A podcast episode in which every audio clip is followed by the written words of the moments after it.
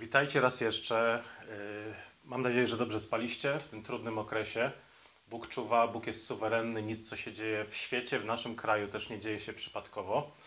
Dzisiejsze kazanie, które będzie transmitowane właśnie w tej formie online, ze względu na ten szczególny czas yy, pandemii koro- koronawirusa. Yy, Dzisiejsze kazanie nie, jest przygotowane na samą okoliczność koronawirusa. Zacząłem je przygotowywać około 5, 4-5 dni temu, kiedy jeszcze nie planowaliśmy odwoływania nabożeństwa. Jeśli więc y, oczekujecie, że powiem dzisiaj o jakichś rzekomo biblijnych proroctwach, o koronawirusie, jakimś mm, ogólnoświatowym rządzie, y, koronawirusie jako, jako znamieniu bestii, no to będzie, będziecie rozczarowani. Nie o tym dzisiaj będzie mowa. Możecie, jeżeli jesteście rozczarowani, możecie kliknąć nawet smutko, smutną, smutną buźkę pod, pod tym filmikiem. Ale jeżeli jesteście tutaj, żeby umocnić waszą wiarę poprzez skupienie się na treści Pisma Świętego, na treści Słowa Bożego, to, to zachęcam was, żebyście zostali, wysłuchali i następnie wspólnie po zwiastowaniu Bożego Słowa chciałbym nas wszystkich poprowadzić e, w modlitwie. Kazanie dzisiejsze będzie oparte na tekście z pierwszej księgi Samuela, którą w naszym kościele, w Ewangelicznym Kościele Reformowanym w Gdańsku rozważamy podczas cotygodniowych kazań. Rozważamy rozdział po rozdziale e, podczas naszych cotygodniowych nabożeństw i dzisiaj przyjrzymy się wydarzeniom z 27 rozdziału tej księgi. On to nie jest długi rozdział, przeczytamy go w całości. To jest bodajże raptem 12 wersetów. Uprzedzam, nie jest to tekst dobrany do obecnej sytuacji, ale wierzę, że każda część Bożego Słowa jest pokarmem, jest witaminą na, na każdy czas. Na czas zdrowia, choroby, na czas dogodny, niedogodny. Także jest to bardzo ciekawy fragment, którego przesłanie myślę, że jest dla nas żywe i będzie, będzie cały czas aktualne nawet w tym, w tym obecnym, trudnym sezonie. Posłuchajmy. Jeżeli macie Biblię przy sobie, zachęcam, żeby też śledzić tekst, czytać tekst. Jeżeli nie macie przy sobie Biblii, to posłuchajmy wspólnie 27 rozdział pierwszej księgi Samuela i przeczytamy od pierwszego wersetu.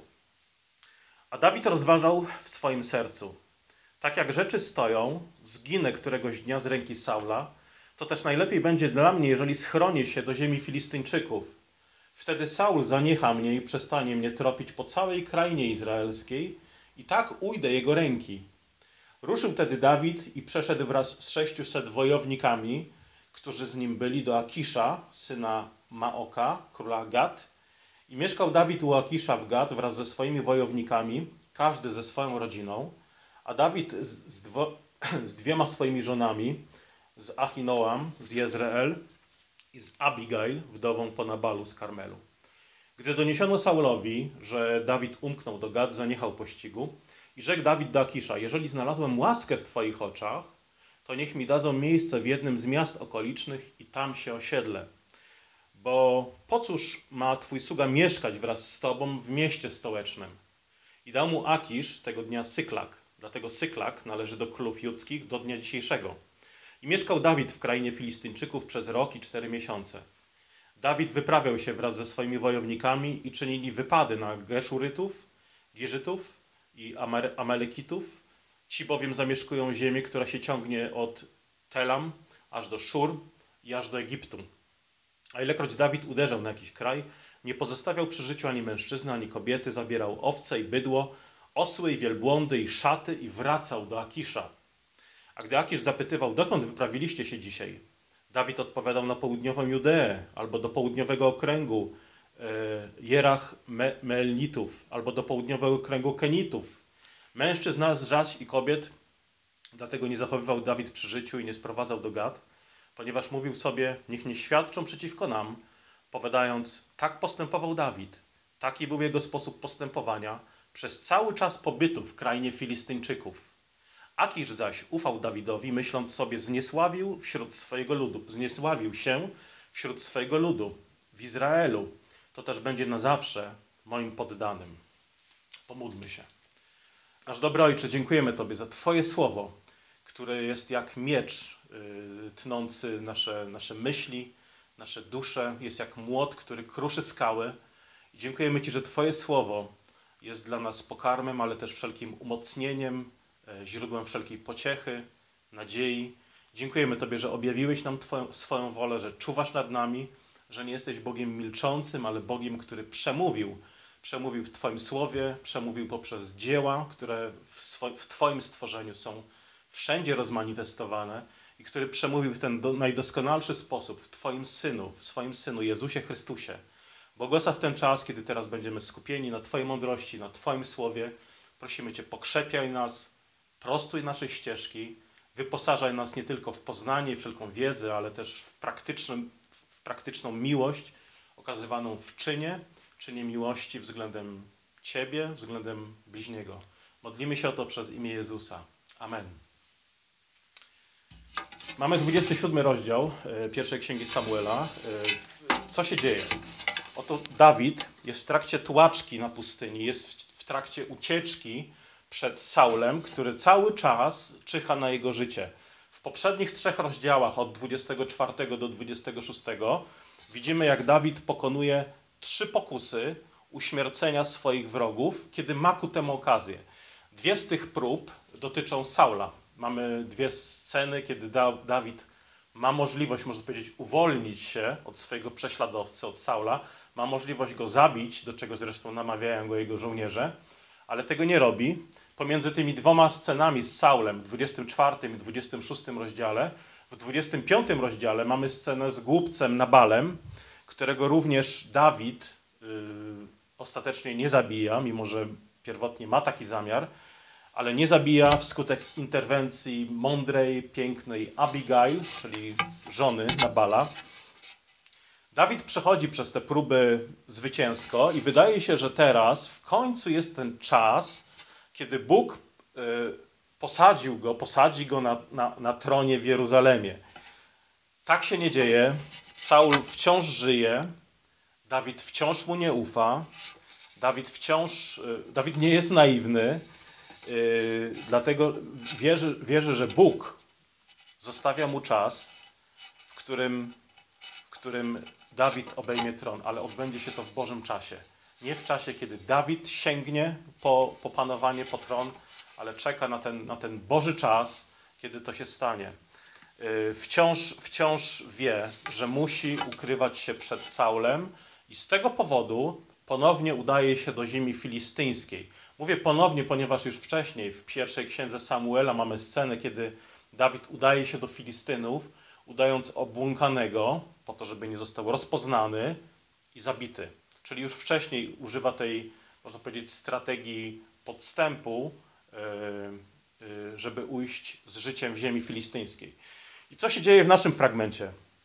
Po rozstaniu z Saulem i kolejnej odmowie zabicia króla, Dawid mimo słów Saula. Wcześniej czytamy, że Saul wydaje się być skruszony, wydaje się żałować za swój grzech, ale wciąż Dawid nie jest naiwny. Wydaje się, że Dawid nie wierzy, że Saul kiedyś, kiedykolwiek zostawi go w spokoju. To nas uczy tego, że przebaczenie nie jest tym samym co zaufanie. Przebaczenie następuje szybko, jest, przynajmniej powinno być natychmiastowe, Natomiast na zaufanie należy zapracować, dać podstawę, żeby móc komuś zaufać. Także Dawid wydaje się tak, przebacza Saulowi jego winę, jego grzech, nie udaje się za tym, ale, ale wciąż, wciąż, wciąż mu nie ufa. Dawid obawiał się, że niezależnie od tego, jak wielkie byłyby jego te, te moralne zwycięstwa nad Saulem, to, to nie będą one miały trwałego efektu. Saul prędzej czy później znów zacznie go ścigać i pod tą ciągłą presją pogoni Saula, Dawid udaje się do Akisza, do króla Gad, króla e, filistyńskiego. W poprzednim rozdziale, w 26 rozdziale, czytamy, że Dawid skarżył się, że niektórzy ludzie próbują zmusić go do służenia innym bogom, czego oczywiście on nie chciał, ale był skłonny, i to widzimy w tym naszym dzisiejszym 27 rozdziale, był skłonny, żeby przyjąć postawę, która wygląda, która jawi się przynajmniej ze strony króla Akisza, jawi się jakby, jakby, mm, jakby zmienił stronę, zmienił swoją lojalność. Można powiedzieć, że znowu Dawid używa strategii podstępu, za chwilę też o tym powiemy więcej, ale cały czas bardzo, bardzo ryzykuje też swoim życiem, życiem swoich żołnierzy, swoich żon. Dawid udaje się do ziemi Filistyńczyków, gdzie zostaje przyjęty przez Akisza, króla, króla Gad. Jest to dla niego schronienie, jest to dla niego ucieczka. Pamiętajcie, że cały czas jest z 600 wojownikami, który, którzy też są ze swoimi rodzinami. Dawid też jest ze swoimi żonami. Gad, gdzie się udał Dawid z, z żołnierzami, było miastem filistyńskim. Stamtąd pochodził Goliat, tak? Goliat z Gad. Było to miasto, które liczyło prawdopodobnie kilka tysięcy osób. I nic dziwnego, że Dawid czuł, że w pewnym momencie potrzebuje większej przestrzeni do życia. Tak? Miał ze sobą też liczną, liczną gromadę żołnierzy, rodzin i tak dalej, liczne otoczenie. Y, poza tym nie chciał być ciężarem dla króla, czy prowadzić życia, które jest zależne od filistyńskiego władcy. Chciał, można powiedzieć, się uniezależnić w ziemi filistyńskiej od króla Akisza. No i wydaje się, że tak, plan Dawida zaczyna działać. Czytamy w czwartym wersecie, że Saul przestał na niego polować, kiedy dowiedział się, że jest w ziemi filistyńskiej. Po pewnym czasie Dawid prosi króla Akisza, żeby dał mu miasto do osiedlenia się. Werset piąty. Czytamy, że Bóg przychylnie nastawił serce wrogów ludu Bożego do Dawida i król Akisz zgodził się przyznać Dawidowi miasto Syklak. I od tej pory Syklak będzie, czy stało się miastem, miastem w Judzie. Cały okres pobytu Dawida w ziemi filistyńskiej trwał 16 miesięcy, czyli rok i 4 miesiące. Możemy zapytać, ale dlaczego, dlaczego Akisz, dlaczego Akisz, król filistyński, zgadza się na to wszystko? Dlaczego Akisz nie obawia się Dawida? No dlatego, że wie, iż Saul ściga Dawida, Saul chce zabić Dawida, wie, że Saul traktuje Dawida jako swojego wroga, co oznacza, że y, Akisz nie traktuje Dawida jako sojusznika Izraela. Traktuje go jako zdrajcę swojego narodu. Uważa, że, że są sojusznikami, także Akisz nie miał podstaw, żeby uważać, że Dawid jest wciąż wierny, czy można być lojalny wobec Saula. Ale też Dawid nie widział powodu, żeby dementować te wyobrażenia króla Akisza o tym, jakie są prawdziwe motywacje y, Dawida. To, co robi Dawid później, osiedlając się już w Syklak, może się wydawać dla nas niezrozumiałe, może się wydawać jakieś okrutne, dziwne, bestialskie, jakieś rozbójnicze. To, co robi Dawid, można powiedzieć, że zaczyna, zaczyna podbój ziem zamieszkałych przez Geszurytów, Girzytów czy Girzytów i Amalekitów. Dawid, organizując te wyprawy wojenne, można powiedzieć, nie mógł, nie mógł tego robić pod nosem Akisza. Więc sytuacja, kiedy Dawid ze swoimi ludźmi mieszka w Syklak i może organizować wyprawy wojenne, jest dla Dawida bardzo komfortowa. Że w tym momencie Syklak jest tym miejscem, tą bazą docelową, jest bazą dla y, wypraw wojennych. Teraz, co to, było, co to były za ziemie? W księdze Jozuego, w 13 rozdziale, w pierwszym wersecie, czyta, y, czytamy, że Pan Bóg powiedział do Jozuego przed jego śmiercią, że jeszcze wiele ziem zostało do objęcia w posiadanie. I wśród tych ziem jest wymieniona właśnie ziemia Geszurytów. Zobaczmy, Księga Jozuego 13:2. Jozuego 13:2 mamy takie słowa. Od pierwszego wersetu przeczytamy. Kiedy Jozue się zestarzał i był w podeszłym wieku, rzekł Pan do niego: Ty się zestarzałeś i jesteś w podeszłym wieku, a pozostało jeszcze bardzo wiele ziemi do objęcia w posiadanie. Czyli jeszcze wiele ziem pozostało do, do objęcia w posiadanie, yy, yy, kiedy Jozue już był w podeszłym wieku. Ta ziemia jeszcze pozostała. Wszystkie okręgi Filistynów oraz Geszurytów, od Sichonu, który płynie na wschód od Egiptu, aż do północnej granicy Ekronu, uważano za ziemię kanonejską. Jest pięciu książąt filistyńskich z Gazy, z Ażdodu, z Aszkalonu, z Gad, z Ekronu, tak itd. Tak Jest tutaj wymieniona właśnie ta ziemia Geszurytów. Również Amalekici pojawiają się w historii Izraela wcześniej. Czytamy, że atakują Izrael, y, kiedy ten y, uciekał, kiedy lud Boży uciekał y, z Egiptu. I wówczas Bóg powiedział, 17 rozdział, 14 werset. Wtedy rzekł Pan do Mojżesza, zapisz to dla pamięci w księdze i wbij, wbij to w głowę Jozłego, że całkowicie wymarzę pamięć o Amalekitach pod niebem. Potem zbudował Mojżesz ołtarz i nazwał go Pan sztandarem moim i rzekł, Przyłóż rękę do sztandaru Pana. Wojna jest między Panem a Amalekitami z pokolenia w pokolenie. Yy, podobne słowa Bóg mówi w 5 Mojżeszowej 25:17.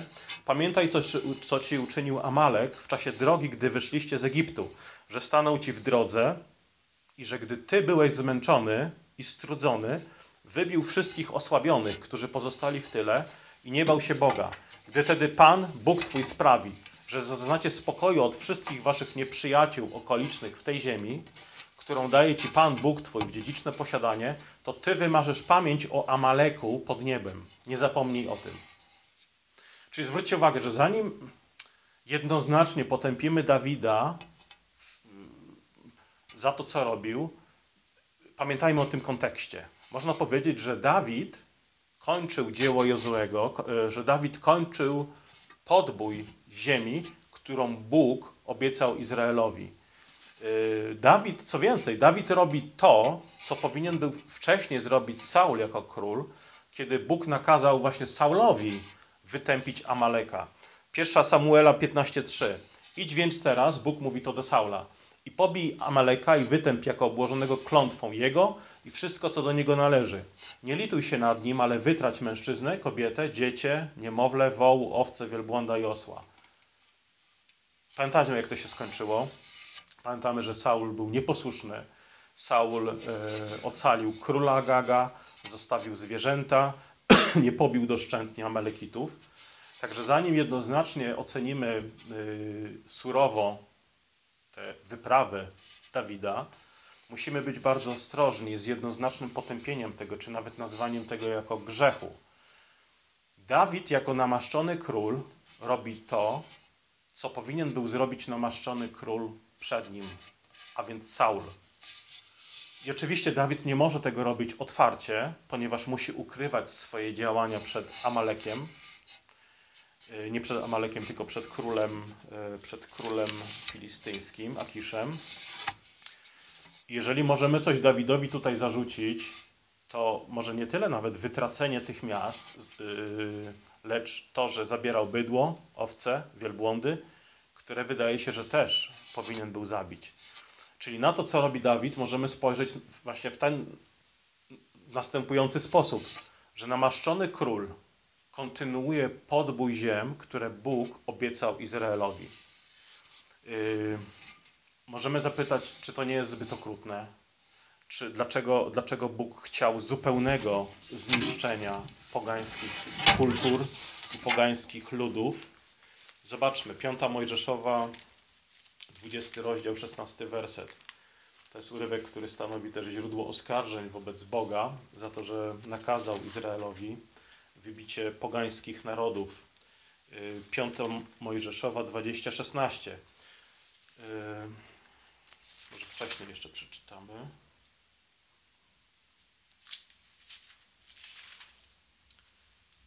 Piętnasty werset. Tak postąpisz ze wszystkimi miastami, bardzo oddalonymi od ciebie, które nie należą do miast tych narodów.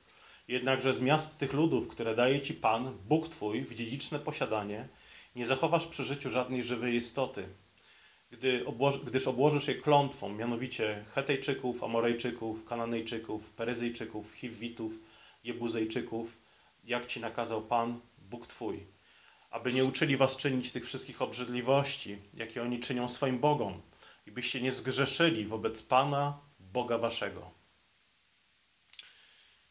E, miasta, kultury, które Bóg nakazał Izraelowi zniszczyć, pamiętajcie kontekst cały czas. To nie były jakieś tam, to nie byli jacyś uśmiechnięci, mili, niewierzący.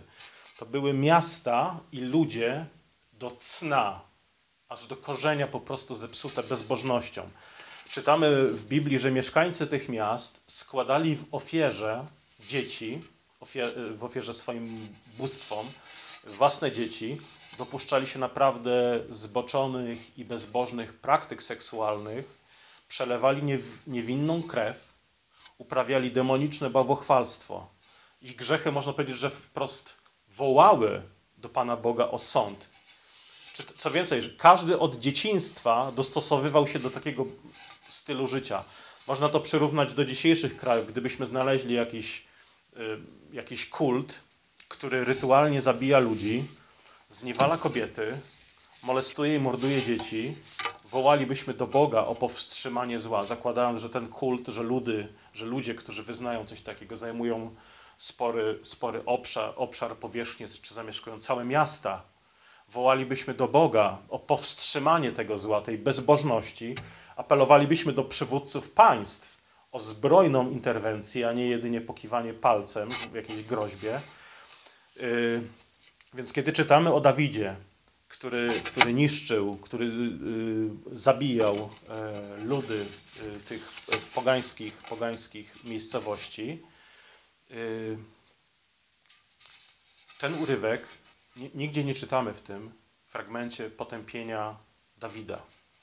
Mamy oczywiście kilka przykładów grzechów Dawida, które są jednoznacznie nazwane grzechem, które są jednoznacznie potępione przez Pana Boga, kiedy Pan Bóg, można powiedzieć, brał Dawida na dywanik, sądził go czy karał go, Dawid ponosił tego konsekwencje. Pamiętamy y, grzech związany ze spisem y, y, żołnierzy czy ludności, grzech związany z cudzołóstwem, grzech z Betrzebą. Także Bóg na bieżąco wychowywał Dawida i karcił Dawida. Mamy, mamy naprawdę parę jego grzechów odnotowanych w Piśmie Świętym, więc Pismo Święte nie wybiela Dawida jako kogoś idealnego. Mamy też opisane Boże, y, ojcowskie konsekwencje jego grzechów. Natomiast zwróćcie uwagę, że w tym urywku jest milczenie. I myślę, że to jest, że to jest wymowne milczenie. Bóg nigdzie ani tu, ani później jednoznacznie nie potępia Dawida za te wydarzenia. Czyli można powiedzieć, że, że Dawid jest tym nowym Jozue, który kontynuuje podbój y, ziem, które Bóg obiecał Izraelowi.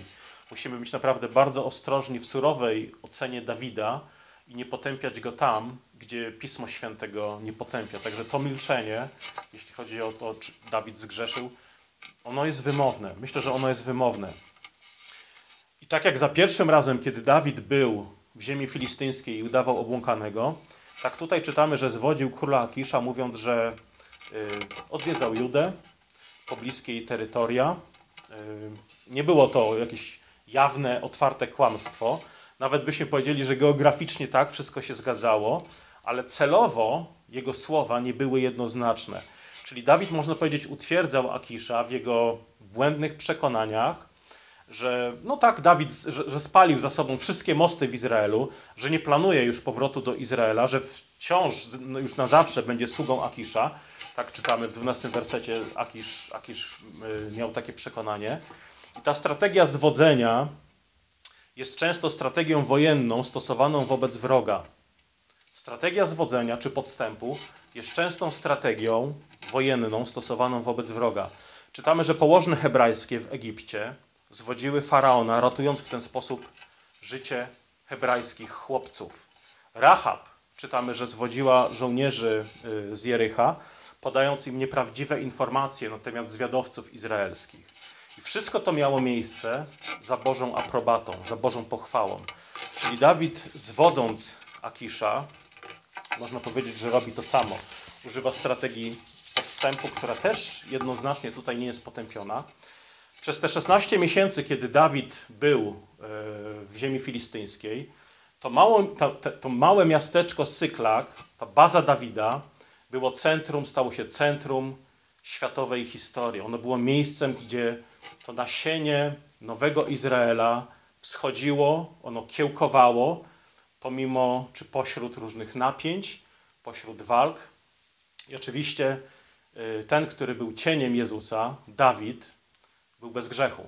Także to jest ta różnica, że yy, przepraszam, Dawid właśnie nie był bez grzechu. Ten, który był obrazem Jezusa, yy, nie był bez grzechu, on nie był doskonały, ale Syklak powinno nam przypomnieć tą inną, zapomnianą mieścinę, o której czytamy w, w Nowym Testamencie, czyli, czyli yy, Betlejem, gdzie wzeszło nasienie z domu Dawida, czyli nasz Pan Jezus Chrystus. I na pewno nie w tej samej skali, ale myślę, że na świecie są właśnie dzisiaj takie miasta jak tego rodzaju co Syklak, gdzie Bóg przygotowuje wielkie rzeczy, ludzi, którzy zmieniają albo zmienią świat. Czytamy, że Bóg jest Bogiem niespodzianek i często w Biblii wielkie rzeczy dzieją się nie w blasku kamer, na salonach świata. Nie czytamy nic w Biblii o Aleksandrze Wielkim, nie czytamy o Chingishanie, nie czytamy o wielu faraonach, dlatego że nie oni stanowią centrum czy oś historii świata. Czytamy natomiast o Syklak, czytamy o Betlejem, czytamy o Nazarecie, czyli niepozornych miejscach, w których Bóg czynił niezwykłe rzeczy. I Dawid jest e, królem na wygnaniu. Jego naród w osobie Saula, jego naród w osobie Saula jest z nim, można powiedzieć, w stanie wojny. Saul cały czas czyha na życie Dawida, jest, jest w stanie wojny z Dawidem. Czyli Dawid niczym Chrystus gromadzi wokół siebie y, armię, tak jak Chrystus armię dwunastu apostołów. Dawid udaje się do ziemi pogan, tak jak Jezus do Galilei, po to, żeby następnie powrócić do swojej ziemi i objąć tron.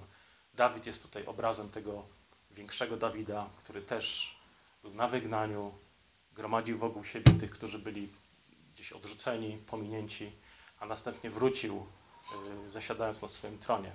Czyli wygnany król, odrzucony przez swoich, opuszcza swoją ziemię po to, żeby wrócić do niej w chwale i objąć tron. I to dzieje się z Dawidem. To dzieje się z Dawidem, to dzieje się z tym, z większym Dawidem, z Chrystusem. I mamy tutaj odniesienie do, do Eksodusu, do wyjścia Izraela z Egiptu.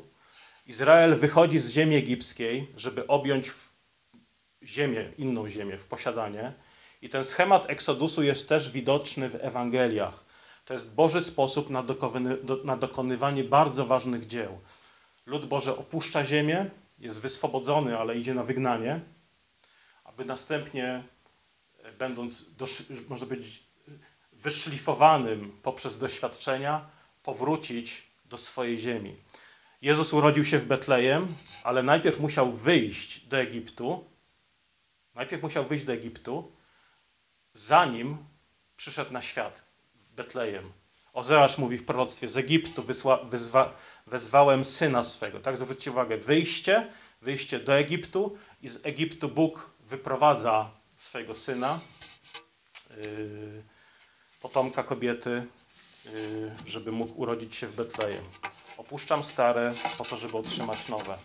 To samo widzimy w historii Józefa, który został sprzedany na wygnanie do, w, w Egipcie, można powiedzieć, przez swoich braci, ale przed śmiercią poprosił i dopilnował, żeby jego kości zostały przeniesione z wygnania do ziemi, którą Bóg dał Izraelowi.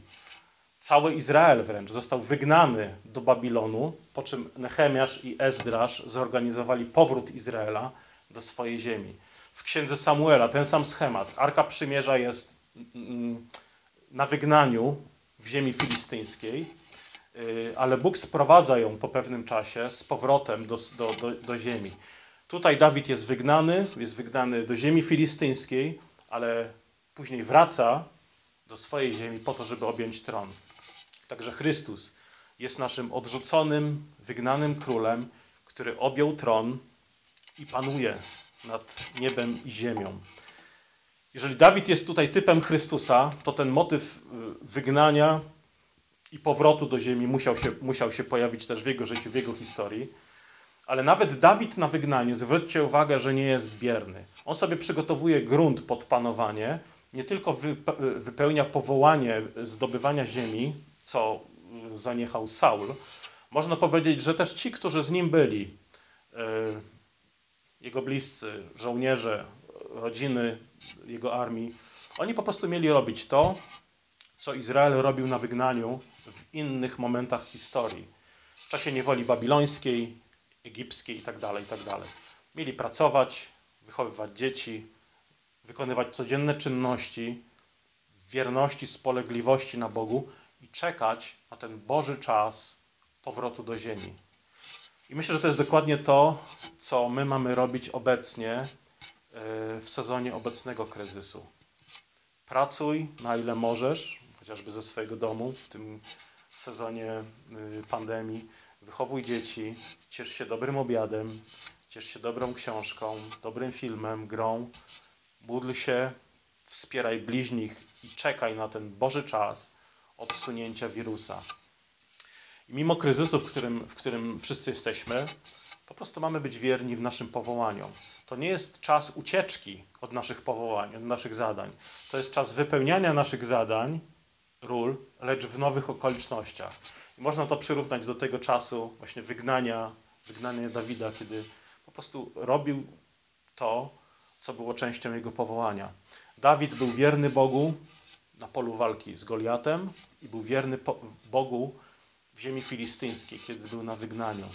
Jezus był wierny Bogu zarówno na weselu w Kani Galilejskiej, jak i na krzyżu. Zarówno wtedy, kiedy obwoływali go królem, jak i wtedy, kiedy wołali wypuść Barabasza. Dlatego nie bójmy się. Bóg jest z nami w tych dniach, tak jak był z Dawidem na wygnaniu. I w rzeczywistości zwróćcie uwagę, że to jest bardzo częsty sposób Bożego działania. Czyli oderwanie od czegoś, przebudowa, żeby uczynić daną rzecz jeszcze bardziej chwalebną niż była na początku. Nie? Zwróćcie uwagę, tak jest z Dawidem. On powróci do swojej ziemi w chwale. On powróci jako wygnany król, ale król, który jest przebudowany, można powiedzieć, wyszlifowany, jest silniejszy. Tak, ziarna zboża są młócone, zgniatane, są pieczone, aby ostatecznie dać chwalebny efekt w postaci pachnącego, dobrego chleba. Ale nawet ten chleb, który jest już ukształtowany podczas komunii, jest łamany, jest rozrywany. Ale znów po to, żeby z tych rozerwanych kawałków powstało coś silniejszego, coś piękniejszego, coś jeszcze bardziej chwalebnego niż było na początku. A mianowicie umocnione ciało Chrystusa, czyli, czyli Ty, czyli ja, czyli my, przyjmujący razem chleb przy stole pańskim z wiarą. Możemy też te prawdy odnieść do obecnego sezonu zagrożenia koronawirusa. Mamy kryzys, ale słuchajcie, z kryzysów wychodzimy zwykle silniejsi niż kiedy w nie weszliśmy. Ale cały czas kontekstem jest wiara. Kontekstem jest wiara. Musisz przejść przez sezon wyzwań i testów z wiarą i zaufaniem wobec Boga. I droga Dawida przez pustkowia, przez skały, jaskinie, y, przez ziemię filistyńską. Pamiętajcie, to jest cały czas Boża droga. Tak jak obecny sezon jest Bożą drogą. Droga odrzucenia, droga wy, wy, wygnania i ukrzyżowania Chrystusa jest cały czas Bożą drogą. Niekoniecznie znamy przyczyny, szczególnie kiedy jesteśmy pośrodku danej historii, ale Bóg jest suwerenny. On ma kontrolę. Nic nie dzieje się przypadkowo, nic nie dzieje się poza Jego mocną ręką. Kiedy jesteśmy pośrodku kryzysu, pośrodku tego wygnania, można powiedzieć, nie zawsze wiemy, dlaczego dzieje się to, co się dzieje. Dawid nie wiedział, zadawał sobie pytania, mamy je, mamy je zapisane w psalmach. Dlaczego jest gnębiony? Nie widzi żadnej przyczyny, dla której Saul czyha na jego życie. Józef zdradzony przez braci, wrzucony do studni, sprzedany do Egiptu, zapewne na, zapewne na tamtym etapie historii nie wiedział, jakie miejsce ma to w Bożym planie, ale ufał Bogu, że to jest Boża droga, że to jest Boża ścieżka. Dopiero przy końcu tej historii mógł oznajmić braciom, że słuchajcie, to Bóg poprowadził mnie tutaj, aby mógł nakarmić Egipt i cały ówczesny świat.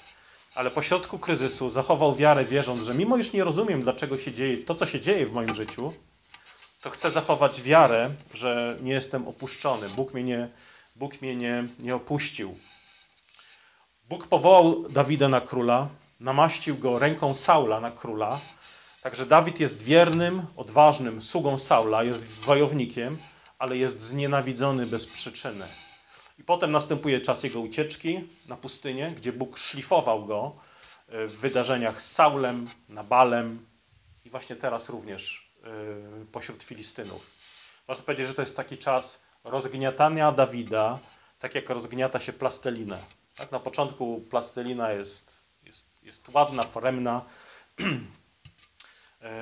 aż wręcz żal, je, żal brać ją do ręki i rozgniatać. Raczej jak widzimy piękną, ładną plastelinę, to aż chciałoby się ją, chciałoby się ją zjeść. Mam nadzieję, że wasze dzieci tego nie słuchają. Ja, ja przynajmniej chciałem, miałem apetyt, jak widziałem tą apetyczną, ładną plastelinę, kiedy byłem w przedszkolu, miałem ochotę ją zjeść, a nie coś tam z niej formować. Plastelina wygląda bardzo apetycznie, jest cała, jest symetryczna, ale potem, jeżeli ktoś potrafi to robić, może ją zmiętosić, ugniatać. Jeżeli umie coś z niej ulepić, to figurki, które lepimy z plasteliny, są ładniejsze, chwalebniejsze niż jej pierwotny, taki surowy stan od razu pokupnie ze sklepu. Może plastelina na początku była ładna, może była prosta, ale nie, przedstawia, nie przedstawiała niczego chwalebnego. Plastelina po ulepieniu jest lepsza, szczególnie jeżeli potrafimy coś z niej, z niej ładnego zrobić. I tak traktujmy kryzysy w naszym życiu. Jesteś jak plastelina. Będziesz lepszy, będziesz chwalebniejszy, jeżeli przejdziesz przez proces rozgniatania. To się dzieje w życiu Dawida myślę, że obecny sezon wydaje się właśnie być takim rozgniataniem nas, e, jak plastelinę. To widzimy też w życiu Chrystusa, który umarł, ale zmartwychwstał. Coś dobrego, ale coś jeszcze lepszego przychodzi za chwilę. Przejście z chwały w chwałę. I to jest Boża droga dla człowieka. Stawanie się dojrzalszym człowiekiem na obraz Chrystusa poprzez proces wygnania, ugniatania, rozdrobnienia. Niektórzy z Was myślę, że są w takim życiu, właśnie na takim etapie jak Dawid. Na pustyni, na wygnaniu, w kryzysie, może w strachu, ale w takiej sytuacji nie rozpaczaj. Pamiętaj, że Bóg był z Dawidem nawet na pustyni. Bóg był z Dawidem nawet na wygnaniu, kiedy Dawid trwożył się i wylewał swoją duszę w psalmach, e, pisząc wprost o swoim strachu. Pamiętajcie, że nie wierzymy w Boga, który jest słaby, bierny albo który zamilkł. On będzie nas szlifował pośród testów. Nie, nie w pustym pokoju. Nie w pustym pokoju. Zwykle Bóg nas kształtuje pośród testów. Pustynia, która wiodła do ziemi obiecanej, to nie był e, taki mm, przyjemny, złocisty piasek, jak na plaży na Wyspach Karaibskich.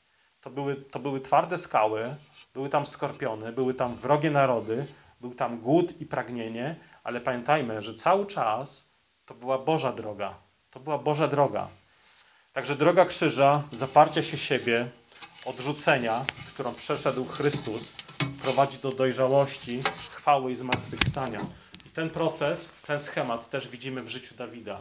Wygnany król przechodzi przez testy, pośród których jest cały czas wierny Bogu, polega na Bogu, aby następnie powrócić do swojej ziemi, objąć, objąć tron i panować. Zakończę fragmentem z księgi Izajasza z 40 rozdziału i 28 werset. Izajasza 40, 28. Czy nie wiesz, czy nie słyszałeś? Bogiem wiecznym jest Pan, stwórcą krańców ziemi. On się nie męczy i nie ustaje. Niezgłębiona jest Jego mądrość. Zmęczonemu daje siłę, a bezsilnemu moc w obfitości. Młodzieńcy ustają i mdleją, a pacholęta potykają się i upadają. Lecz ci, którzy ufają Panu, nabierają siły. Wzbijają się w górę na skrzydłach jak orły, biegną, a nie mdleją, idą, a nie ustają. Panie, dziękujemy Tobie za Twoje słowo, za pokrzepienie Twojego słowa, za pokrzepiającą moc Twojego słowa. Dziękujemy Ci, że ono jest nie tylko jakimś, jakąś encyklopedyczną informacją, wiedzą, ale przede wszystkim jest pokarmem i mocą ku zbawieniu każdego, kto, kto wierzy w Ciebie. Dziękujemy Tobie, Duchu Święty, za to, że Ty wprowadzasz też błogosławieństwa krzyża Chrystusa w nasze życie. Dziękujemy Ci, że otworzyłeś nasze oczy, nasze uszy i prosimy Cię właśnie o wyposażenie, o wszelką odwagę, siłę, spolegliwość też w czasie tego kryzysu i sezonu, przez który teraz przechodzimy. Przydaj nam, Panie, wiary, przydaj nam nadziei, miłości, abyśmy też nie opuszczali rąk i nie, nie rezygnowali z naszych, z naszych codziennych powołań, do których Ty, Panie, nas wzywasz. Bądź, Panie, błogosławiony i wywyższony. Amen.